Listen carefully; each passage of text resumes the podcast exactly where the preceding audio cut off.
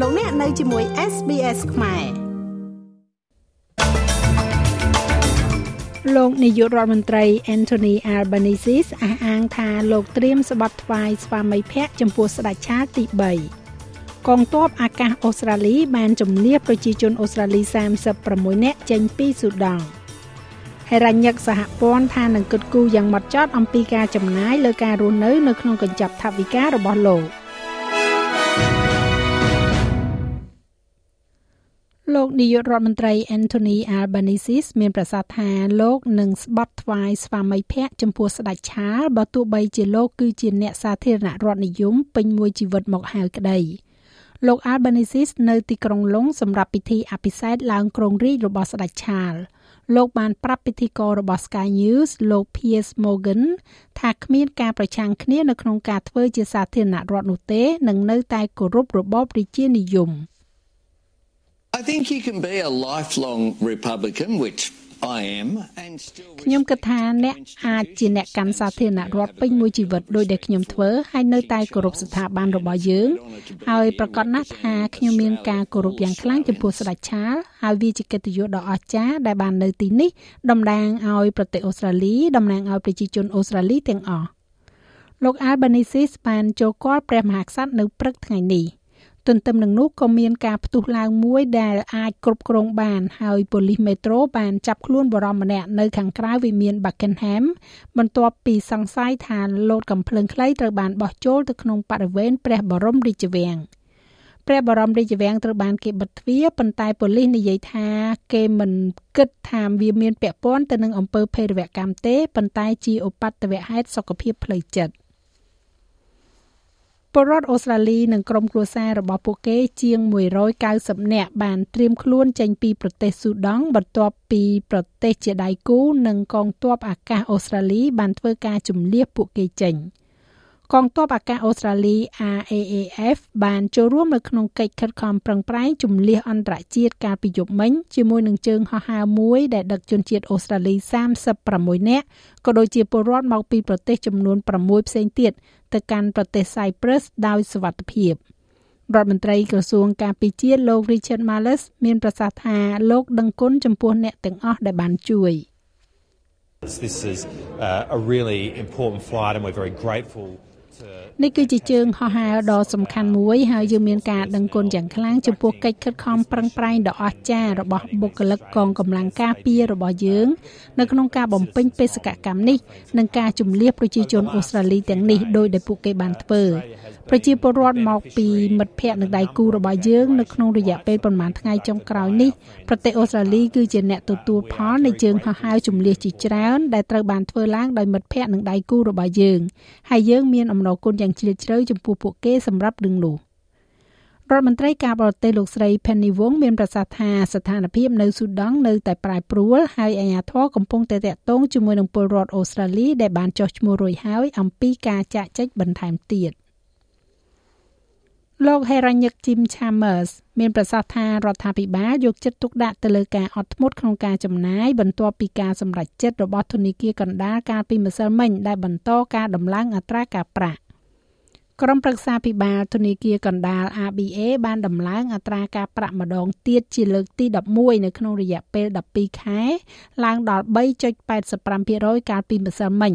ខណៈដែលពួកគេព្យាយាមកាត់បន្ថយអត្រាអតិផរណាដែលស្ថិតនៅកម្រិត7% លោកបណ្ឌិត Chalmers ដល់ពេលកំណត់ត្រូវផ្ដល់កញ្ចប់ថវិកានៅថ្ងៃអង្គារសប្តាហ៍ក្រោយ ដែលលោកនិយាយថានឹងកំណត់គោលដៅនៅសម្ពាធថ្លៃចំណាយការរស់នៅសម្រាប់អ្នកដែលងាយរងគ្រោះបំផុត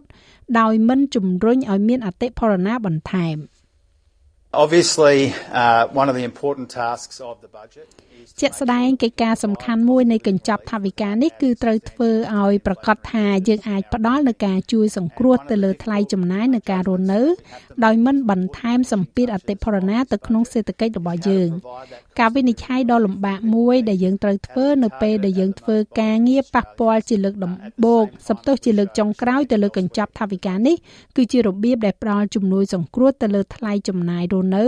ដែលប្រជាជនត្រូវការតែយើងកំណត់វាដោយរបៀបណាចំពោះប្រជាជនអូស្ត្រាលីដែលងាយរងគ្រោះបំផុតនៅក្នុងពេលដំណើរគ្នាយើងបង្ហាញនៅការអត់ធ្មត់នៅកន្លែងផ្សេងទៀតនៃកញ្ចប់ថវិកានេះ។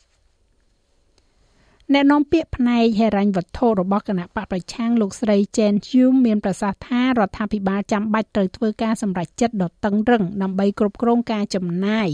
មិនមែនជំរុញឲ្យមានអតិផរណាកាន់តែខ្លាំងឡើងនៅក្នុងថវិកានៅសប្តាហ៍ក្រោយនោះទេ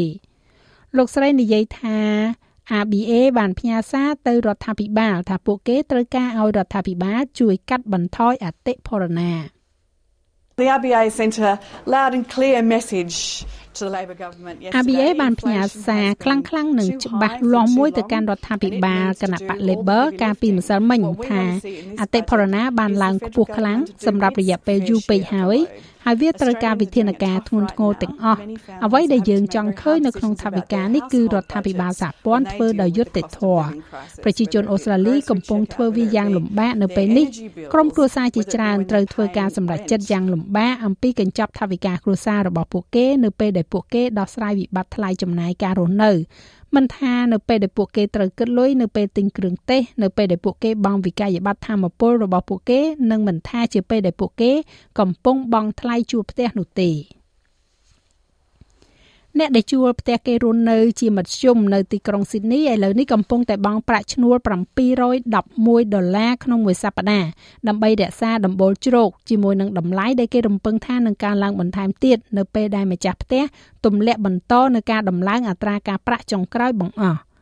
ទិន្នន័យដែលចេញផ្សាយដោយ CoLogic កាលពីថ្ងៃពុធ ទី3ខែឧសភាបង្ហាញអំពីតម្លៃនៃការជួលផ្ទះក្នុងទីក្រុងស៊ីដនីបានកើនឡើង13.1%កាលពីឆ្នាំមុនដោយម្ចាស់ផ្ទះជួលបានដំឡើង1.3%ក្នុងខែមេសាថ្លៃជួលគឺកើនឡើងនៅក្នុងរាជធានីទាំងអស់ជាមធ្យម11.7%ដោយសារតែការឈឺចាប់ពីការកើនឡើងនៃអត្រាការប្រាក់ចំនួន11លើកដែលម្ចាស់ផ្ទះទម្លាក់បន្តទៅឲ្យអ្នកជួល។ សមាគមឧស្សាហកម្មលំនៅឋានសហគមន៍ New South Wales និយាយថាមធ្យោបាយតែមួយគត់ដើម្បីកែតម្រូវវិបត្តិដែលកំពុងតែកើនឡើងនេះគឺការវិនិយោគជាបន្ទាន់របស់រដ្ឋាភិបាលទៅលើលំនៅឋានរដ្ឋនិងលំនៅឋានដែលមានតម្លៃសមរម្យ។ អ្នកពន្លត់អគិភ័យដ៏មានបទពិសោធន៍ម្នាក់បានស្លាប់នៅក្នុងការប្រយុទ្ធប្រឆាំងនឹងអគិភ័យដែលឆាបឆេះរោងចក្រដ៏ធំមួយនោះកំពុងត្រូវបានគេចងចាំសម្រាប់ភាពក្លាហាន និងការលះបង់របស់គាត់ចំពោះការងារសេវាពន្លត់អគិភ័យនិងសង្គ្រោះបន្ទាន់នៅរដ្ឋ Queensland QFES និយាយថាលោកស្រី Isabella Nash បានស្លាប់នៅក្នុងមន្ទីរពេទ្យកាលពីយប់មិញបន្ទាប់ពីបានរងរបួសយ៉ាងធ្ងន់ធ្ងរនៅក្នុងហេតុការណ៍ភ្លើងឆេះនៅ Slack Creek ភាគខាងត្បូងទីក្រុង Brisbane ស្នងការស្ដីទីលោក Mike Washing ចងចាំលោកស្រី Nash ថាជាមនុស្សម្នាក់ដែលតែងតែជួយដល់អ្នកដទៃ។ Izzy, as she's affectionately known within the service, was surrounded by family when she sadly Izzy ដោយដែលគេគ្រប់គ្នាបានស្គាល់គាត់យ៉ាងច្បាស់នៅក្នុងសេវាកម្មនេះត្រូវបានហុំព័ទ្ធដោយក្រុមគ្រួសារនៅពេលដែលគាត់បានទទួលមរណភាពនៅក្នុងមន្ទីរពេទ្យ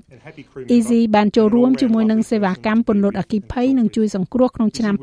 2014ហើយជាអ្នកពន្លត់អគិភ័យលំដាប់ថ្នាក់ទី1មិត្តរួមការងាររបស់គាត់នៅទូទាំងសេវាកម្មនេះកំពុងតែចងចាំរូបគាត់ថាជាសមាជិក និវឹកដែលមានភាពរស់រាយរាក់ទាក់និងរីករាយនិងជាមនុស្សគួរឲ្យស្រឡាញ់គ្រប់បែបយ៉ាងដែលនៅជាមួយនិងនិយាយជាមួយ Easy តែងតែជាមនុស្សដំបងដែលឈានជើងចូលណែនាំអ្នកពន្លត់អគិភ័យថ្មីមិនថាក្នុងការងារឬក្រៅម៉ោងការងារជួយក្នុងការអភិវឌ្ឍហើយសហការីរបស់គាត់នៅទូទាំងតំបន់ពួកគេកំពុងតែឈឺចាប់និងនឹកដល់គាត់ អ្នកពន្លត់អគិភ័យទី2គឺ Leah Drew ក៏បានជួយសង្គ្រោះនៅក្នុងគ្រោះអគិភ័យនៅព្រឹកថ្ងៃអង្គារនោះដែរហើយស្ថិតនៅក្នុងមន្ទីរពេទ្យនៅឡើយក្នុងស្ថានភាពធ្ងន់ធ្ងរក៏ប៉ុន្តែនឹងណូកម្ពុជាធ្វើជាម្ចាស់ផ្ទះរៀបចំការប្រកួតកីឡា SEA Games ដែលមានប្រទេសជាសមាជិកអាស៊ានទាំង10ចូលរួមរួមទាំងប្រទេសទីម៉ូខាងកើតដែលជាប់ប្រទេសអាស៊ាននិងកំពុងស្នើសុំចូលជាសមាជិកអាស៊ាន។ ពិធីបើកព្រឹត្តិការណ៍ SEA Games នឹងធ្វើឡើងនៅថ្ងៃទី5ខែឧសភាហើយបិទបញ្ចប់នៅថ្ងៃទី17ខែឧសភាលោកនាយករដ្ឋមន្ត្រីហ៊ុនសែនបានបញ្ជាក់ពីវត្ថុបំណងរបស់កម្ពុជាក្រោមការដឹកនាំរបស់លោកដែលរៀបចំកីឡាប្រចាំតំបន់អាស៊ាន SEA Games ហើយមិនយកថ្លៃអ្វីទាំងអស់យ៉ាងដូចនេះថាជាលើកដំបូងក្នុងប្រវត្តិសាស្ត្រនៃការប្រកួតដែលកម្ពុជា ទី1មិនយកលក់សម្បត្តិសម្រាប់ប្រជាពលរដ្ឋខ្លួនឯង និងសម្រាប់អ្នកគ្រប់គ្រងពីបណ្ដាប្រទេសដទៃដែលមកគ្រប់គ្រងយើងអត់ត្រូវការលក់សមុទ្រទេឲ្យប្រជាជនទទួលការសบายរីរី អ្នកមានលទ្ធភាពក៏ចូលបាន អ្នកគ្មានលទ្ធភាពក៏ចូលបាន ចាលោកមេងផល្លានឹងជួនសេចក្តីរាយការណ៍លម្អិតនៅវគ្គក្រោយជាបន្តទៀតឬលោកអ្នកអាចចូលស្ដាប់របាយការណ៍ពេញលើគេហទំព័ររបស់យើងនោះគឺ sps.com.au/ ខ្មែរហើយចំណែកឯអត្រាប្តូរប្រាក់នៅក្នុងថ្ងៃនេះវិញ1ដុល្លារអូស្ត្រាលីមានតម្លៃ66សេន6ដុល្លារអាមេរិកត្រូវនឹង2740រៀលប្រាក់រៀលខ្មែរ ឥឡូវយើងក៏លេខមកមើលការព្យាករណ៍អាកាសធាតុសម្រាប់ថ្ងៃព្រហស្អែកនេះវិញទីក្រុងផឺតភាគច្រើនបើកថ្ងៃ25អង្សា នៅអាដាលេដរលឹមបន្តិចបន្តួច18អង្សា មានពពកដោយពេលនៅមែលប៊ន17អង្សា ដូចគ្នានៅហូបាត16អង្សាខេនបេរ៉ាត្រជាក់ខ្លាំងនៅពេលព្រឹកតែបើកថ្ងៃ16អង្សា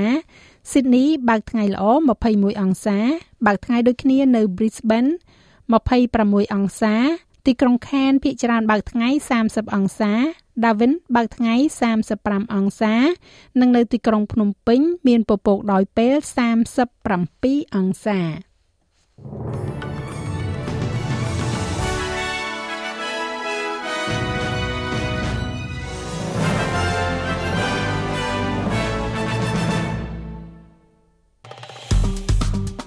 ចុច like share comment និង follow SPS ខ្មែរនៅលើ Facebook